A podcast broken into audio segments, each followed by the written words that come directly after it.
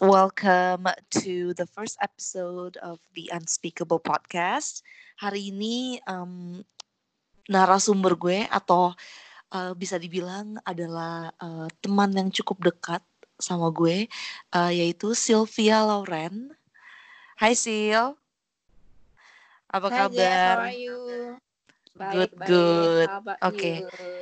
Jadi hari ini um, topiknya mungkin for the first episode agak cukup berat, tapi I think we're just gonna go with the flow ya. Kita, I mean, it's Oke. pretty, it's pretty, it's a pretty interesting topic gitu, and I'm very excited to discuss about this. So, like, yeah, I mean, without further ado, boleh deh lu ceritain aja gitu kan, sedikit tentang pengalaman-pengalaman lu nih em, dalam menghadapi um, your situation right now. Oke, jadi kalau bisa mungkin um, I I tell a little bit of uh, your background gitu kali ya.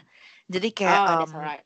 ya. Feel So the it. title of this podcast seperti yang kalian udah bisa lihat itu um, it connects to mental health issues.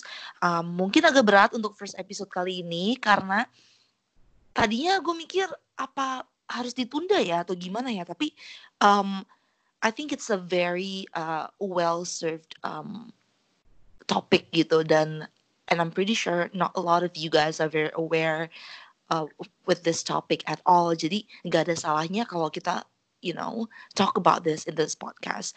Oke, jadi gue kenal Sil udah cukup ya cukup lama lah ya. Um, ada kegiatan-kegiatan yang kita lakuin dulu. Jadi um, kalau bisa dibilang gue cukup mengenal Sil lah, um, in personally, um, emotionally gitu ya. Dan uh, recently I just discovered kalau memang uh, dia mau come out to talk about um, her struggles dan hari ini nih hari ini banget kita bakal dengerin Sil cerita tentang um, experience dia cerita tentang struggle struggle dia dan dan sebenarnya apa sih maksudnya untungnya punya ini? Dan sebenarnya ini bukannya merugikan seseorang ya. And please for those of you guys out there kalau memang kalian ngerasa ya ini tuh berat atau gimana kayak gue nggak bisa dengerin um, ya you can just exit this podcast gitu. Karena gue di sini kita di sini berdua pengen memberikan pelajaran gitu untuk orang-orang di luar sana supaya lebih mengerti gitu dan lebih aware aja sebenarnya mental health ini apa sih dan bagaimana cara-cara kita supaya bisa lebih peduli aja gitu tentang hal-hal seperti ini dan just not turn a blind eye gitu. Oke deh, Sil, boleh deh langsung cerita nih ya. Gue nggak mau panjang-panjang lagi. Kayaknya intronya udah cukup. And I think they will learn, you know, more from you gitu kan, daripada Iya, ngedengerin iya, gue iya. gitu. Oke, go shoot. Thanks anyway for the opportunity uh, for having me on your podcast, the Unspeakable Podcast. Yeah, um, for those of you who want to know who am I, uh, gue ini OCD survivor. OCD is a mental ill- illness which uh, it's common on the world of uh, mental illness, but not many people knew about it, uh, to to acknowledge, and then like uh, apaan sih kayak gitu.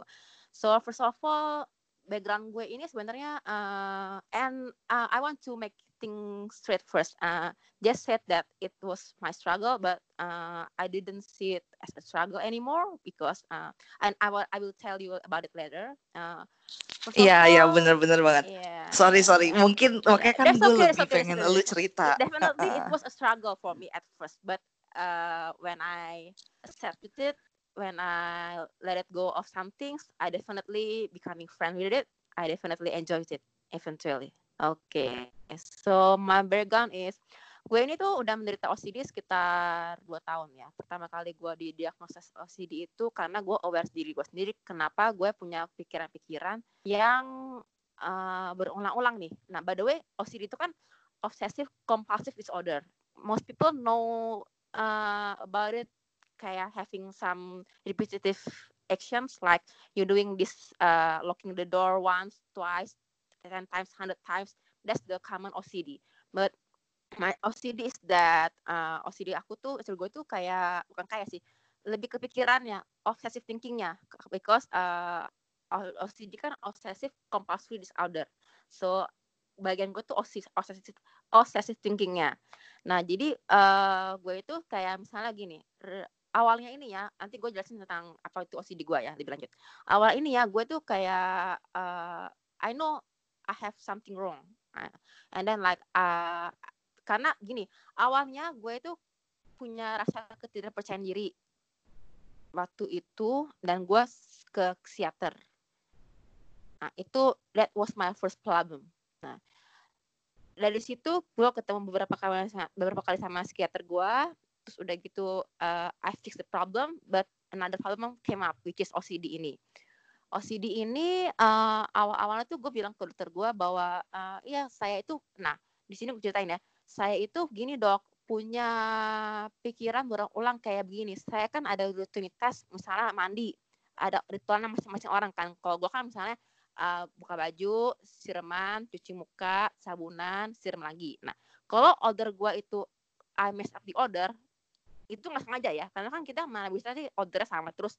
Nah, gue tuh bisa mikirin, gue tuh bisa I can stood still on the in the shower, uh, thought about mikirin tentang tadinya mestinya gue gimana ya lakuinnya rutinitas gue itu mestinya ABCD sekarang jadinya BCDA nah gimana di pikiran gue gimana gue bisa kembali rutinitas gue itu ke ABCD tapi gue tidak walaupun gue sudah balikin ke pikiran gue ABCD cuman gue tidak melakukannya. Itu one of my OCD nah, ada lagi OCD lain nih. Misalnya gue uh, terlalu fokus ke pikiran omongan orang.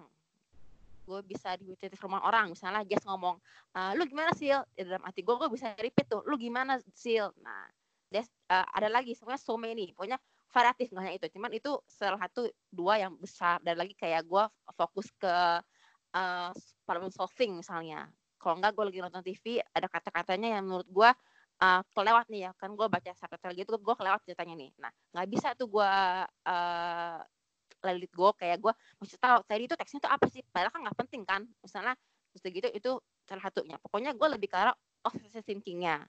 Nah uh, oke okay, Sil bentar deh. Gue mau tahu nih uh, kan lu bilang ini lebih ke obsessive thoughts ya yes, yes. berarti lebih ke pikiran-pikiran lu dong. Iya, yeah, iya. Yeah. kan? Yeah. Nah, does this affect your behavior gitu, like on a daily basis? Karena kan pasti yang setahu gue OCD itu orangnya tuh yang penataannya harus kayak you know uh, straight, rapi gitu kan. Betul banget. Yeah. Nah, jadi apakah obsessive thoughts lu ini affect your behavior kayak gitu affect, gimana? Affect, affect, affect banget. Affect dalam arti kata gue nyampe bisa mengurung diri sendiri. Kayak gue nyampe gini. I was at, I was at the I was at the point when I was suicidal. Ya. Yeah. Uh, but but just having the thought of suicidal is already scary mm. enough for me right like yeah. soalnya begini gue nyampe nyampe muntah-muntah nggak bisa makan mengun, uh, karena setiap kali gue makan gue sampai ke fisikal gue muntah-muntah dan gitu gue bawaannya pengennya tidur aja. Karena setiap kali gue mikir sesuatu pasti itu pikiran itu jadi kecemasan gue jadi bahan OCD gue nah itu yang bikin gue masa capek. Adalah Tuhan kalau bisa ambil aja nyawa saya saya udah nggak itu lagi. Jadi gue tuh nggak mau mikir gue tuh pengen I lock myself up. Kayak gue nggak tidur juga mau tidur pun juga serba salah nggak bisa tidur. Gue dikasih obat tidur. Karena pikiran itu selalu ada. Nah jadi gue nggak mau mikir tapi pas gue tidur juga gue mikir gue lakuin sesuatu pasti mikir. Jadi itu seperti lingkaran setan gitu. Menurut gue kayak gitu. Itu it, it, it was it is a loophole ya. Uh, like black hole for me gitu kan ya. And then like uh, iya jadi iya gue sempet mikir juga sih kayak I think I have one of these episodes juga before. Kayaknya gue juga pernah cerita ya sama lo ya. Yeah, tapi yeah. mungkin belum your episode was was still still normal. Is not is, is iya belum not kategori lu juga. Iya. Betul. Uh, and then like uh, waktu itu kayak gitu. Nah uh, and then I was in denial. Kayak gue nggak apa kok. Gue sebenarnya bebek aja kok. Ini masalahnya simple kayak gini bisa pergi terus uh, kenapa orang punya OCD OCD itu dasarnya tuh kecemasan. Ada something that make you worry on in your subconscious level. You didn't know it before but you will eventually if you seek help ya. Nah what I was what I experienced is that yeah I was in denial I was suicidal. My parents my sister uh, was very kind to me. They love me very much uh, they suffer a lot too because of me uh, the pain is Ya pasti nggak tega ya ngelihat yeah, orang yang uh, disayang they, gitu kayak yes, gitu yes, yes, pasti. Yes, my my parents cried, my dad uh, didn't accept it at first same as uh, because my dad uh, thought that I was normal, nothing happened to me like aku bisa berdiri sehat makan gitu cuman uh, he doesn't understand the concept mentally. Yes. Yeah. Gitu.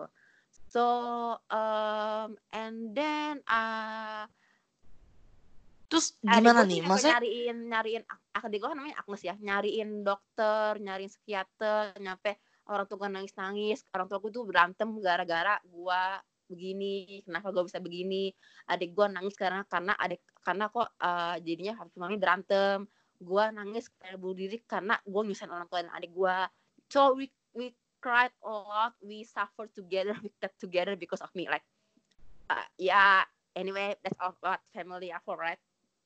and then ya yeah, I mean uh, kayaknya maksudnya kalau untuk family ini gue sih ngerasa pro, uh, obviously everyone is involved gitu maksudnya everyone yeah, has to be involved yeah. to make sure that you get better gitu kan yeah, yeah, dan yeah, selama definitely. proses ini lu obviously feel better dong karena adanya support dari orang tua lu, support dari adik-adik lu, dari you know pertama kali lu, ya, gitu kan. Pertama kali ya feel grateful, iya. Better? No. Because yang bisa bikin lebih baik siapa? Diri lu sendiri. Orang tuh nggak tahu apa. Yes. You have to be the one that change yourself. You have to be the one that want to change yourself. Nah abis itu kan gue kan tahap sampai dokter itu tuh ya terus begitu uh, ternyata gue makin parah nih sama adik gue cari dokter yang lain namanya dokter Andri uh, di Opmi Alam Sutra nah dia okay, ini okay. cocok nih cerita gue sama si Andri nih nah kayak gitu ternyata uh, dari dosis obat itu tuh emang ada yang lama itu emang ada yang bikin gue tuh kenceng banget OCD-nya. Jadi kayak lingkaran setan gitu gue bilang. Jadi treatmentnya kurang tepat dari pertama gitu. Tapi emang gue ini uh, ini kita ngomongin secara medikal dulu ya. Nah, mm, kan, boleh. Karena ini uh, kalau boleh tahu treatmentnya itu ada yang kayak lebih ke medical sama ada yang kayak session therapy therapy session gitu ya? Uh, I'm doing both Oh, okay, okay. Okay, so uh, the doctor gave Dr. Andri gave me a medicine, two type of medicine. Uh, one is Afram, one is Serade, one is for my uh, kecemasan, satu lagi itu buat supaya aku bisa get up in the morning, kayak istilahnya kayak gitu bisa bisa doing activity gitu kan. Nah, yeah, that uh, must have felt horrible. Kalau misalnya, maksudnya kayak ibaratnya lu nggak bisa function well dong ya kalau kayak gitu ya function well sih bukan berarti maksudnya bukan berarti gue tidur gitu gue minum, minum obat baru bisa bangun gitu enggak maksudnya tuh supaya gue nggak merasa kayak nelangsa banget kayak gue nggak ngerasa lost bisa fokus gitu loh oke. Okay. gitu. Nah uh, and then aku cariin uh, gue sih berterima kasih banget sama Agnes nyokap bokap terutama mereka itu very very supportive. Agnes nyariin gue dokter nyariin gue uh, terapis. My psikolog uh, is Miss Alessandra. If anybody know about it if you watching this if you listening to this tenang abis podcast, ini dokter Alexandra akan diundang ke podcast oh, iya. dokter Andri untuk gue Yes. Dokter Andri Theater, you can look Dokter Andri dari Omni ya, Omni Hospitals, ya yeah, betul. itu namanya uh, terapis gue tuh namanya Alessandra gue panggil Miss. Dia, dia you know I might I might need like I might need like a little session after this you know just to kind of like ya curhat curhat yeah, karena yeah. sebenarnya um, banyak orang yang kayak mikirnya you know all these therapy sessions itu cuma buat orang yang me memang mentally no, disturbed no, no, atau no, no, ya kan? No, tapi sebenarnya orang pun juga need therapy need yes therapy, betul. yang bisa nyampah ke ke lu gitu loh. Exactly karena gitu, istilahnya begitu kalaupun kita ngomong bahasa kasarnya ya. Iya kalaupun kayak gue curhat atau seperti yang you bilang lu bilang nyampah ke orang lain gitu kan. Iya. belum tentu orang itu bisa memberikan advice gitu kan bukannya Iya. bukannya gue searching for advice tapi gue cuma butuh didengerin gitu tapi I think a Betul. professional help is Betul. much more needed at this betul, point betul, gitu kan betul, betul, betul, betul, betul, betul. Ini, uh, one point that I want to stress out is if you have a mental problem, seek help, seek help medically, seek help from your family. I mean, just just admit that you have this. I have OCD, mom. Please help me. It would mean a lot to you in the future. Don't be afraid. Just uh, own it, own it, own own yourself, which is any kind of problem that you have, physical problem, mental problem, own it and seek help gitu. Anyway, back to my story again. Uh, where was I? where were you Um, Oke, thank you to all the doctors kan tadi. Um, Oke, ya. Oh, iya. thank you to Jadi next, Iya. Nah, medi- jadi gue medication. uh, while I was on while I'm on the mat apa I'm on mat uh, gue juga ikut terapi gitu. Jadi gue kan ini ikut terapi ini gue kan udah itu udah dua tahun gitu kan. Gitu terapinya satu, satu tahun lah gitu kan. Nah jadi uh, dan yang paling menurut gue tuh yang huge huge help itu tuh dari terapis gue karena apa? Gue tuh bisa tahu bahwa gue ini tuh sebenarnya ada apa in my level subconsciousness itu gue sebenarnya tuh ada apa ada apa kalau misalnya dari segi medis kan dia kan cuma bisa kasih obat kan. Nah sesinya juga cuma sedikit walaupun dia jatuhin kita sekitar menit sampai setengah jam. Cuma kan kalau terapi kan lebih dalam kan satu jam. Dia kan sesinya kan benar-benar bicara kan benar-benar dia menggali lu punya eh, kepribadian lu punya mental issue gitu kan. Nah jadi sesinya ini tuh benar-benar kayak cari tahu apa sih yang bikin kamu cemas? Apa sih yang bikin Sylvia ini cemas? Nah jadi ada sesi per sesi per sesi per sesi gitu. Intinya itu ternyata gue itu ada sesuatu luka batin lah intinya ya. But I don't want to talk about it here. Not now ya maybe Iya, later iya, gitu definitely. kan Ya, because we are talking about this OCD mental illness right? Nah and then Lu Uh, gimana tuh feelingnya pada saat itu first session? Maksudnya lu did you come in free willingly atau memang Yes, lu datang karena eh gue harus fix myself gitu? yeah because I want to get better. I want to heal. Ya ya right? Not kalau gini loh kalau orang OCD itu ya kata terapis gue ya nggak ada yang namanya sembuh total kayak orang batuk pilek langsung sembuh kalau orang OCD itu ya terutama orang punya bukan hanya OCD semua orang penderita sakit mental itu ya namanya itu pulih nah Iya. bukannya sembuh total kayak Iya. jadi bukan kayak batuk pilek yang minum obat panadol sembuh ini tuh kayak sakit mah yang di mana lu minum obat nanti satu tahun lagi bisa muncul Iya. Ini you lebih mungkin kayak treat it gitu ya. Lu treat Yes, yes. gitu. Lu Yes. bukan sembuh total. Iya. Eh, pasti lu ada ris ada relapse-nya. Gua aja dalam tahun ini udah berapa kali udah berapa kali relapse. Pasti Because pasti. life goes on, right? Berarti satu tuh ada yang bikin gue cemas gitu. Dan juga gue ini menggali diriku sendiri kayak apa sih bikin cemas segala macam nah kan dari situ karena tahu sumber cemas gue apa mulailah kita gali ayo kita perbaikin yuk maksudnya kita obati yuk luka kamu gini-gini gitu-gitu uh, she fix my um, what do you call it not my not my mental not my my mans my, my mindset ya ya Uh, Oke, so, mind step. mindset Oh, mindset. pikir Sorry ya. ya. Uh, jadi dia itu uh, sebagai pasien juga of course gue harus willing to open bare my soul itu key Iya, lu pertama harus cooperate dong. Kan lu mau Iya.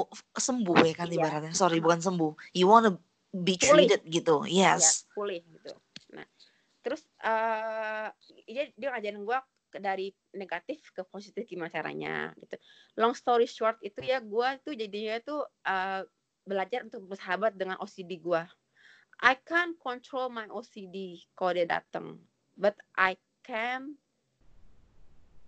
make friends with it I can accept it by accepting it means I do not worry by do not worry means I will not having I will not be having an episode of OCD that's Kan about it seperti kayak corona gitu ya. Kita tuh nggak boleh melawan. Kita harus make peace with corona. Yes, Karena yes, memang yes, kehidupan kita tuh sekarang seperti ini gitu. Jadi Mm.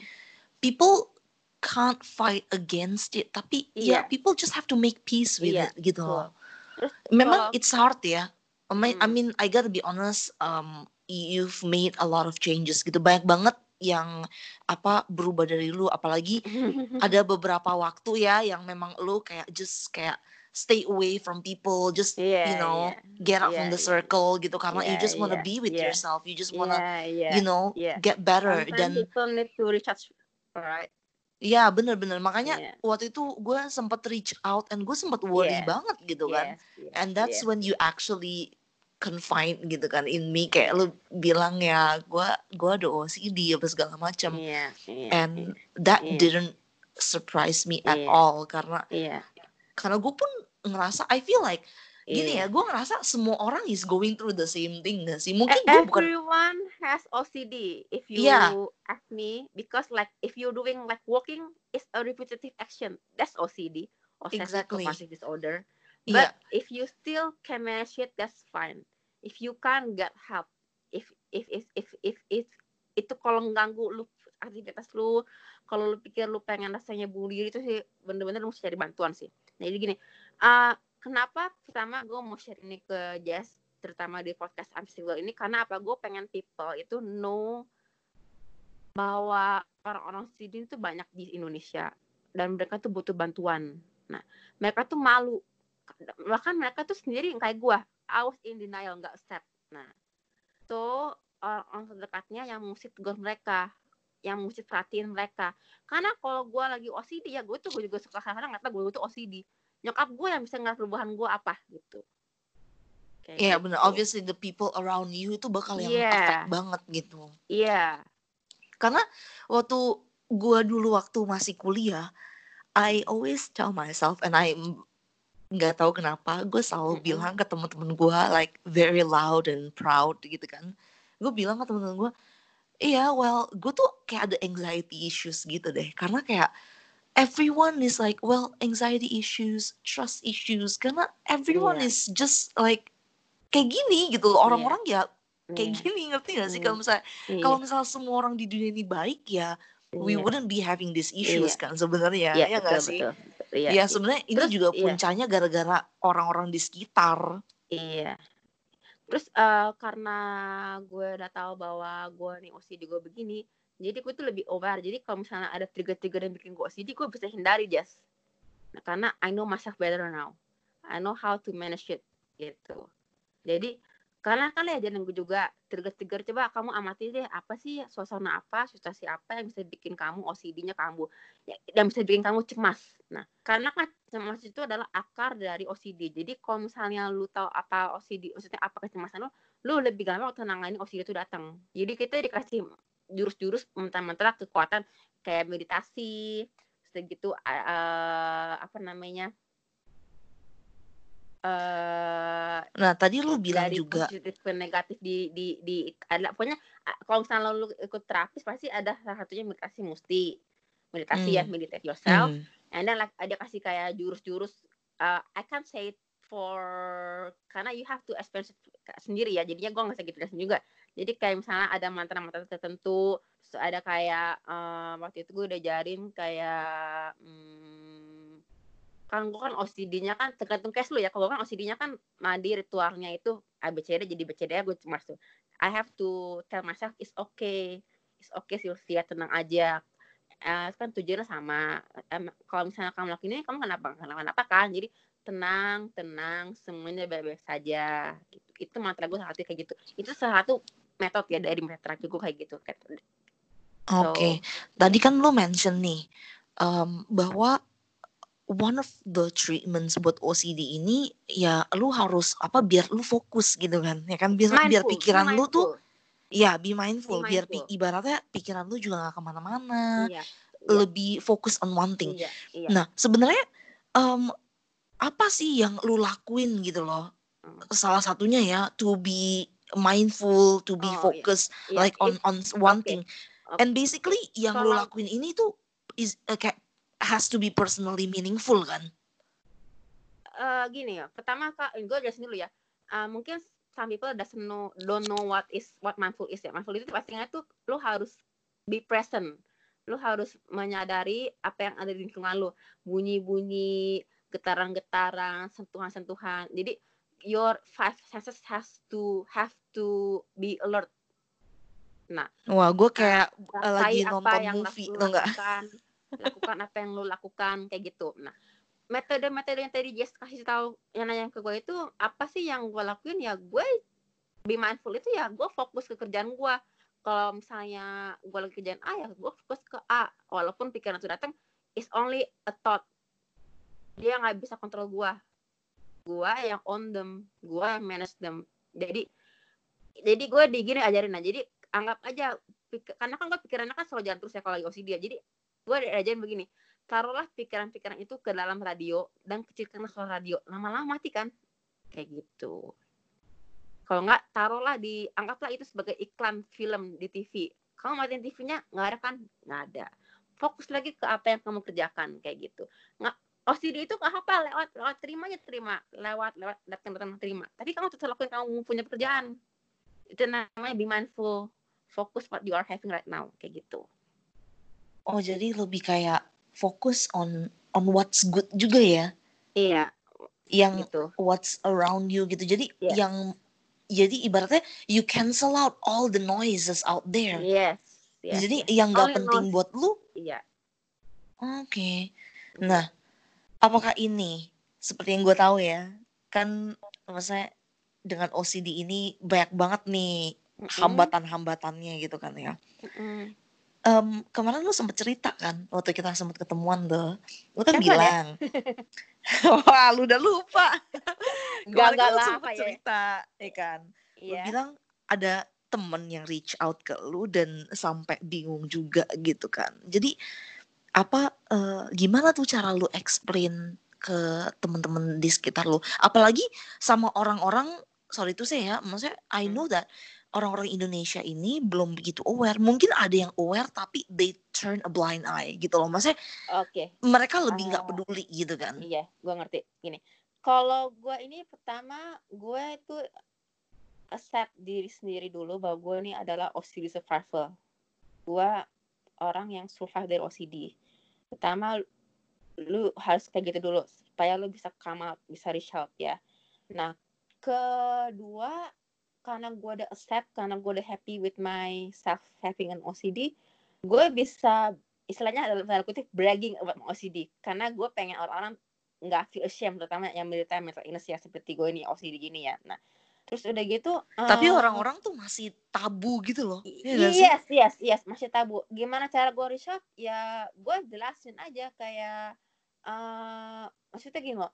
Gue wala gini loh, walaupun gue awal-awal gue jelasin dulu posisi gue ini gini gini gini. Terus udah gitu gue ceritain kayak gue ngomong ke lu gini. Nah udah gitu gue juga bilang walaupun gue punya OCD tapi gue bisa lakukan pekerjaan gue yang normal loh. Gue bisa jadi bantuin usaha bokap gue gue bisa jadi bos buat diri gue sendiri. Gue bisa punya usaha ini itu. Jadi orang OCD itu bukan berarti orang yang tidak melakukan apa-apa kayak gitu. Kalau menurut gue ya what makes others perceive kalau OCD itu is such a bad thing. Karena sampai sekarang pun gue masih uh, ibaratnya apa ya I I try to raise a few kayak uh, issues gitu ya awareness mm -hmm. gitulah mm -hmm. tapi nggak banyak orang yang pengen tahu karena menurut mereka ya udah maksudnya tabu, itu nggak menguntungkan iya. OCD itu biasa aja loh. OCD biasa penyakitnya cuman gue yang goyang gitu doang. Kan udahlah itu biasa aja. Kalau misalnya sakit gila yang benar-benar gila baru mereka lebih itu nah, What apa mungkin karena sebenarnya a lot of people juga suffer from this cuman nggak ada aja yang berani untuk mengungkapkan ya atau mungkin mereka juga nggak tahu sebenarnya mereka got OCD, OCD karena iya. they never get themselves checked out. Pertama, gini bukan masalah itu ya. Pertama itu mereka tuh kurang pengetahuan, Jess. Jadi anggap remeh. Itu yang paling penting. They do not they do not have a general knowledge about what OCD is. Itu yang paling pertama. Nah, yes kalau mereka tahu pun juga ah ini mah kecil lah gampang lah. Mereka tuh kayak remeh karena mereka pikir tuh masih banyak penyakit-penyakit kayak kanker jantung penyakit skizofrenia yang lebih parah daripada OCD kayak gitu. Jadi orang nggak ngerti. Nah Betul. jadinya kayak begitu juga. Dan juga orang-orang itu karena maksudnya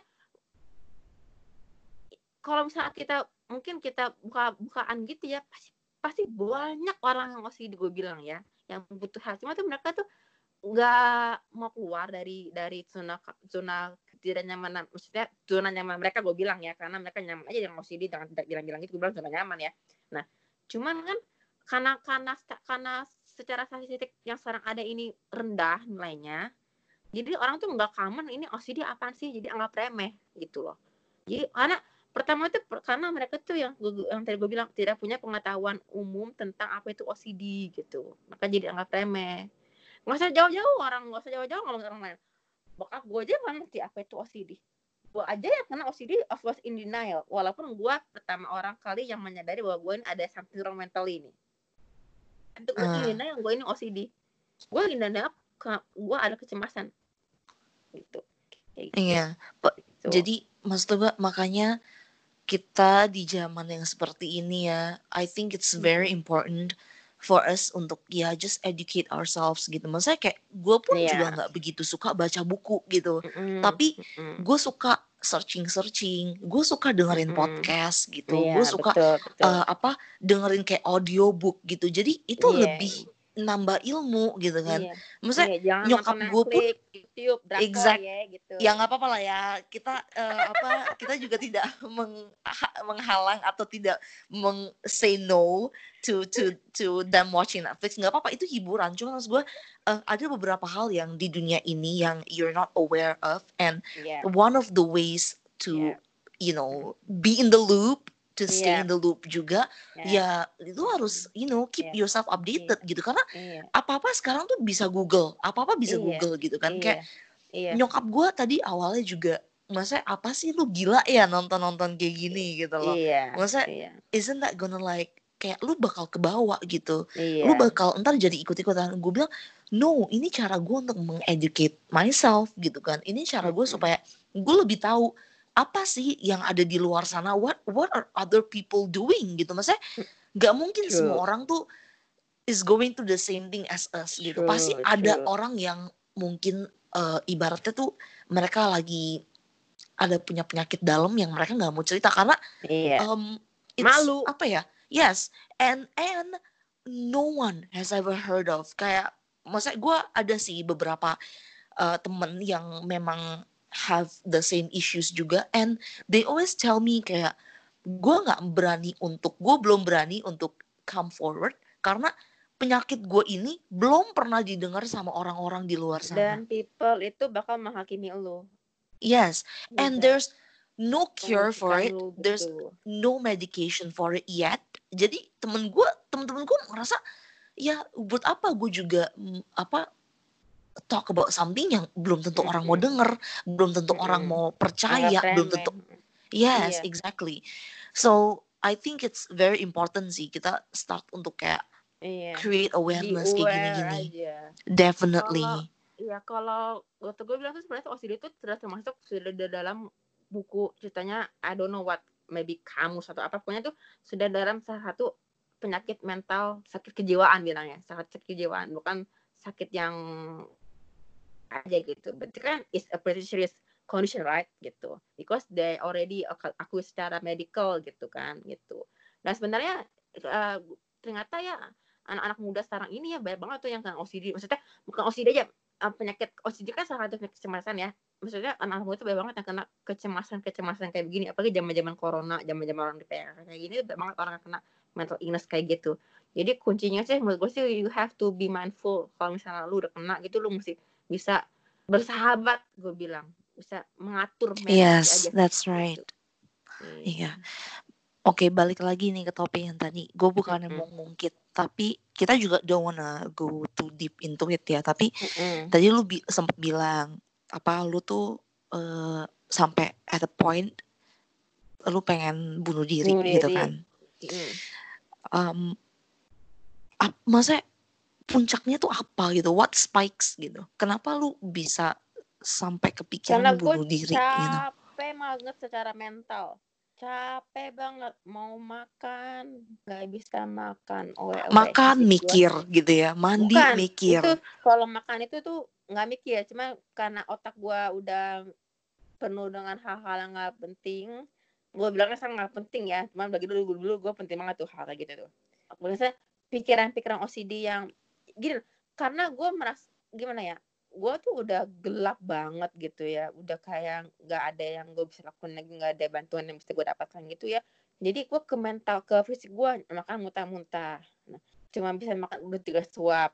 Nah orang gue bener-bener gelap hitam bener-bener keteng gitu kan kata nyokap gue segitu nyampe mau mak mau ma- melakukan pokoknya segala hal dari bangun tidur sampai tidur lagi gue tuh pasti pikirin nanti mengganggu gue gitu. Nah, jadinya ya karena gue udah capek Jas capek banget.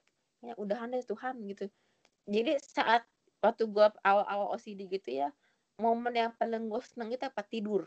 Karena gue tidur nggak mikir Jas Iya. That's why kayak cabut aja deh nyawa saya Tuhan jika saya nggak mikir lagi Tuhan kayak gitu karena kita tuh kebanyakan mikir karena kayak kita tuh mikir oh what's gonna happen tomorrow? Ini bagaimana ini gimana? gitu kan. Sometimes gue gue dulu pernah merasa seperti itu juga. Dan.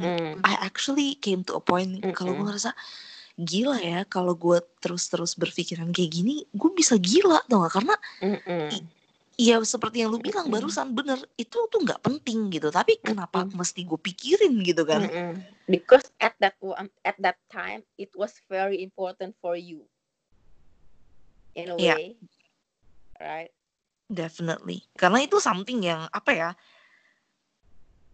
I guess it also comes with expectations. mm. Mm. mm.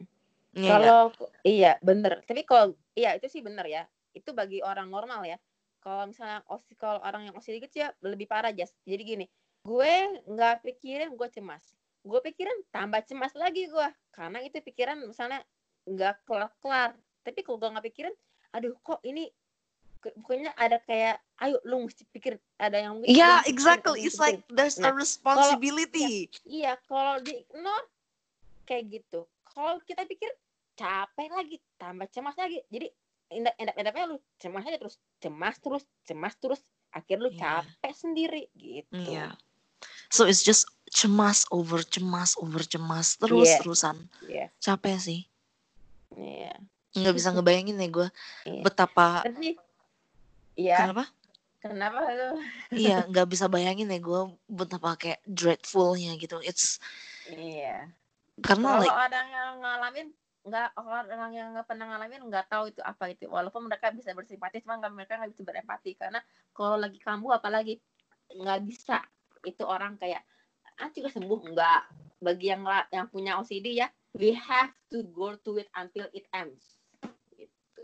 That's why Jadi- kalau mau sebelum lu kena maksudnya sebelum itu muncul lu mesti tahu trigger-trigger apa sih kira-kira yang bisa bikin lu cemas. Itu yang mesti aware manage Jadi sebenarnya um, self help is not an option atau mungkin bisa kalau ini belum um, Kalau lu bisa, kalau you, you, you think you have enough ammunition.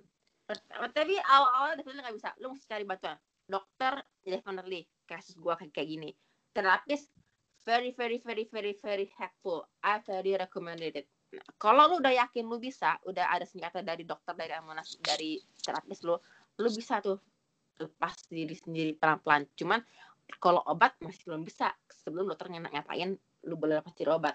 Tapi kalau terapis, kalau misalnya dia lihat lu oke, bener-bener oke, bisa kontrol diri sendiri, maksudnya bisa manage ya, bisa be mindful, bisa ngertiin itu OCD, dia bilang, ya udah kamu cukup sampai sini. Tapi kalau misalnya ada apa-apa, ketok-ketok ya, kayak gitu. Karena kita sudah dipersenjatai oleh dia, dan oleh diri kita sendiri. Intinya kita bisa self help. Cuma untuk awal-awal lah, jangan pernah cari bantuan sendiri, karena lu pasti nggak bisa. Buru-buru cari bantuan, itu pikiran nggak hilang-hilang Jas. Gimana mau cari bantuan Jas? Gimana mau nenangin sendiri maksud gua? Iya benar. Gue ya it's gue ngedengerin aja gue merinding sendiri. Karena gue mungkin mungkin gue ada OCD enggak sih gue bukan ada OCD gue ada anxiety. Jangan terlalu that's pikirin true. sih gua bilang. Ya benar live in the moment benar. Jangan terlalu pikirin that's the first step gitu kan. Iya. yang gue takutnya adalah makin terus dipikirin wah bisa Malah jadi gitu. Benar karena Iya. sebenarnya ini juga build up kan gitu. Maksudnya Iya. dia juga don't just come all of a sudden. Itu juga pasti ada triggernya something gitu kan. Wah gue sangat dia. merasa sebagai ini sangat inspiring. Dan juga gini gua malah kalau bukannya gua so agama gimana gimana gitu ya justru dengan adanya OCD ini gue sangat-sangat grateful banget loh. Karena apa? Gue jadi tahu dari gue lebih jauh. Gue jadi tahu apa sih yang Tuhan mau lakukan buat gue. Gue dulu gak eh, nggak pernah kepikiran bakal bikin podcast sama lu yang bisa someday hopefully empower people. Tapi kalau kalau gue nggak ada OCD I don't think I will speak about it right? Iya, tapi bisa lu speak about other topics gitu kan. Enggak, no, Karena no, kan no, maksud aku maksud gua gini yes maybe cuma kan maksud gua gua mesti ke ada OCD karena gimana ya eh, kalau gue pertama kalau gua nggak ada OCD gue kayaknya eh, nggak bisa sestrong sekarang. Nggak bisa dari diri gue yang dalam kutip kutip menurut gua bersinar gitu ya.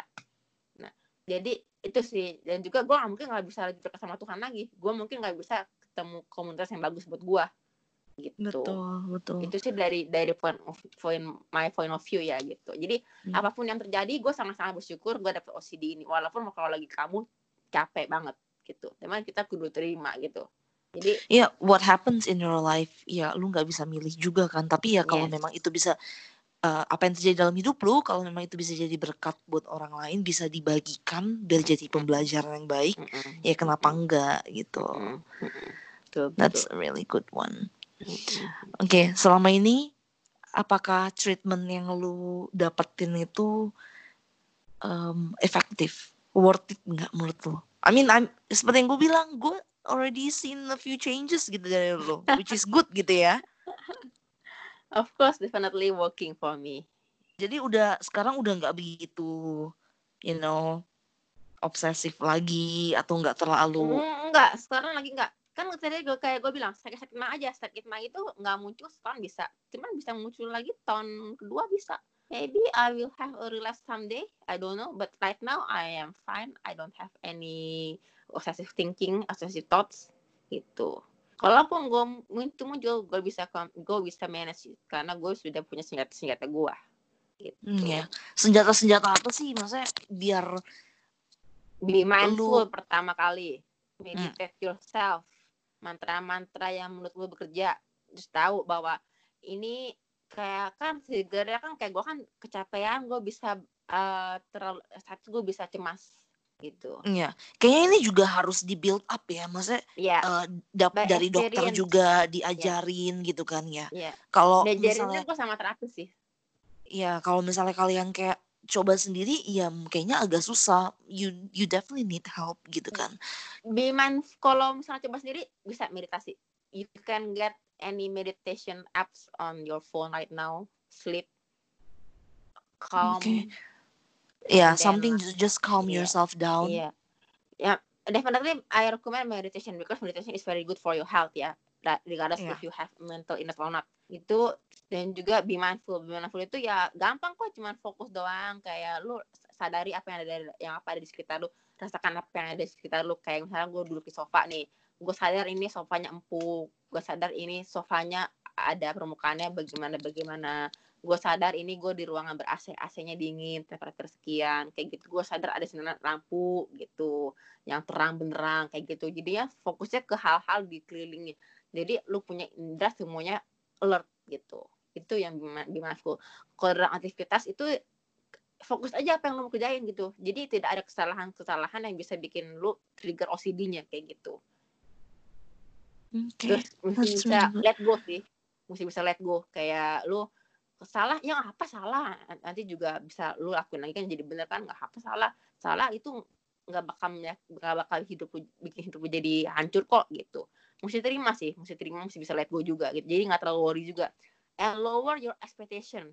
Karena gue tuh tipenya tuh orangnya tuh yang terlalu tinggi ekspektasinya sama diri gue sendiri. Jadi gue jadinya jumping. Gue tuh pikirannya tuh on terus. Jadi kayak bahwa apa-apa udah ke yang B gitu. Jadi itulah salah satu trigger gua gitu. Terlalu terlalu eh, tenang, one step at a time gitu. Pelan-pelan aja, semua juga bakal berlalu gitu. Jadi kayak bayi aja. That's a very good jalan kan, advice. Ya kayak orang aja, orang dari dari bayi belajar apa dulu ngerangkak, jalan, lari, kan nggak bisa jadi bayi langsung lari kan. Jadi sama juga analoginya kayak gitu ya. Kita ini pelan-pelan aja dulu, pasti nyampe sana, nyampe sana gitu. Yang jelas lu mesti tadi be mindful itu yang paling penting kalau menurut gua. Oke, alright. Sebelum kita wrap up nih ya, Hmm. last one deh. Advice lu, advice, keynote advice lu deh yang paling manjur nih ya. Um, Mm-mm. Kalau ada orang out there um, Mm-mm. who they are them, ya mereka sendiri ya, ibaratnya mereka sendiri yang lagi mengalami atau uh, one of their family members who they know kayak lagi struggling going through OCD, Mm-mm. um, how can they help? What can they do to help? don't just be there don't be judgmental and Okay. be a support Okay. just be there is already enough and then uh, Karena walau bagaimanapun orang-orang seperti ini mereka bukannya I think kayaknya kalau mereka ke dokter mereka lebih scared nggak sih? Karena kayak mungkin mereka lebih mikirnya lebih thoughtsnya tuh lebih tertekan atau gimana. Tapi That's- iya.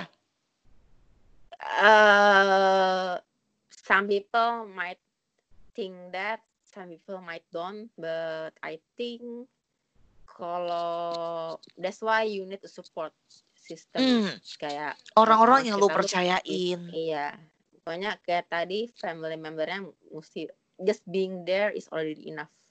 Gitu. Oke. And untuk pasiennya coba jangan in denial. Coba walaupun in denial coba tapi uh, berusaha untuk tidak in denial sih. Gitu kayak misalnya kamu ada salah ada masalah apa aku masalah itu.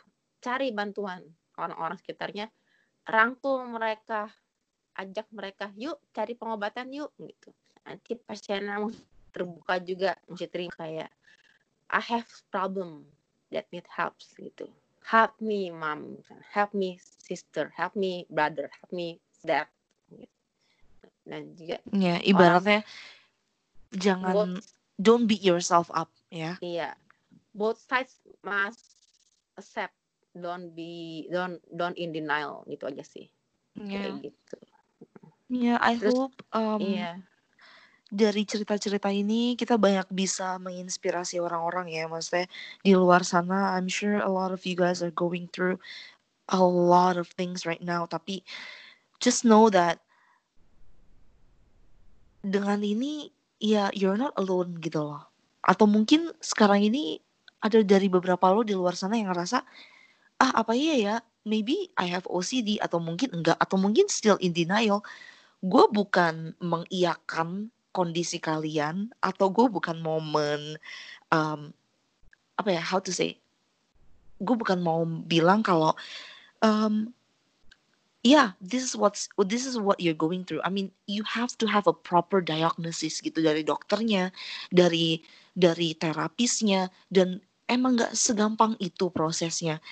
Tapi just know that you can get through it and always be positive. Jangan let the people around you orang-orang di sekitar lo apalagi teman-teman kantor lo gitu kan atau saudara-saudara lo yang nyinyir tante-tante lo om gitu yang cuman bisanya ngelihat lo oh you're so much more less than you are karena lo ada kondisi ini gitu. Which is not true karena semua orang itu have their own stories gitu. Dan why it's happening to them ya this is it gitu. Inilah cerita-cerita orang-orang kenapa mereka bisa berada di sini up to this point. Nah dari ceritanya Sylvia tadi kita juga bisa tahu ya guys kalau dia juga mengakui bahwa OCD ini brought her to a better place meskipun awalnya itu tough susah berat banget buat dia sampai-sampai ya ada attempted suicide atau semacamnya lah ya. Um, tapi dia tetap di sini gitu loh. Dia dia masih tetap bertahan. Dia masih di sini bisa recording podcast sama gue berbagi cerita sama dia which is very inspiring dan gue selalu look up sama Sylvie karena cerita-cerita ini and I always learn a lot from her. So hopefully dari episode kali ini kita bisa belajar sama-sama kita bisa lebih mindful, be mindful uh, towards others and ourselves definitely dan always take care of our mental health gitu kan and always be kind to others. So, okay. Thank you guys so much for listening.